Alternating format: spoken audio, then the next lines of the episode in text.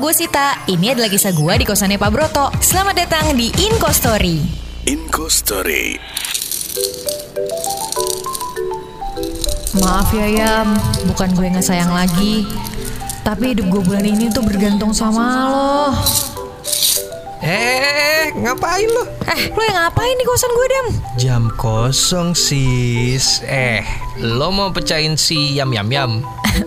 iya Dam, mau gimana lagi? Udah lumayan nih tabungan gue di celengan. Hmm, kayak dari beratnya nih satu juta deh. Hmm, mana coba sini gue pegang. Nih, Ye, ini mah banyakan recehnya.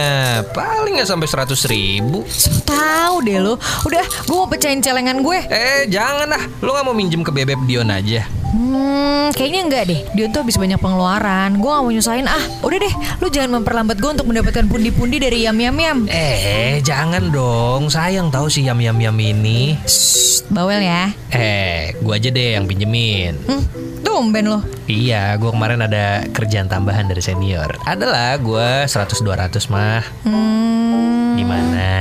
Mau nggak? Dam, gini deh. Kayaknya gue pinjem lebih deh. Oh, 200, 200. Aman, ada kalau 200. Masalahnya tuh gue mau beli tas, sepatu baru. Soalnya yang lama udah jebol. Oh iya, so mau beli parfum keluaran terbaru. Tunggu, tunggu. Gue totalin 500 ribu ya. Oke, Dam.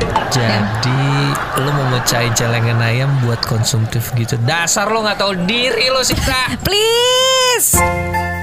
Emang gak ada habisnya ya cerita di kos-kosan? Dengerin terus keseruan cerita Sita di Inkostory New Motion Breakfast.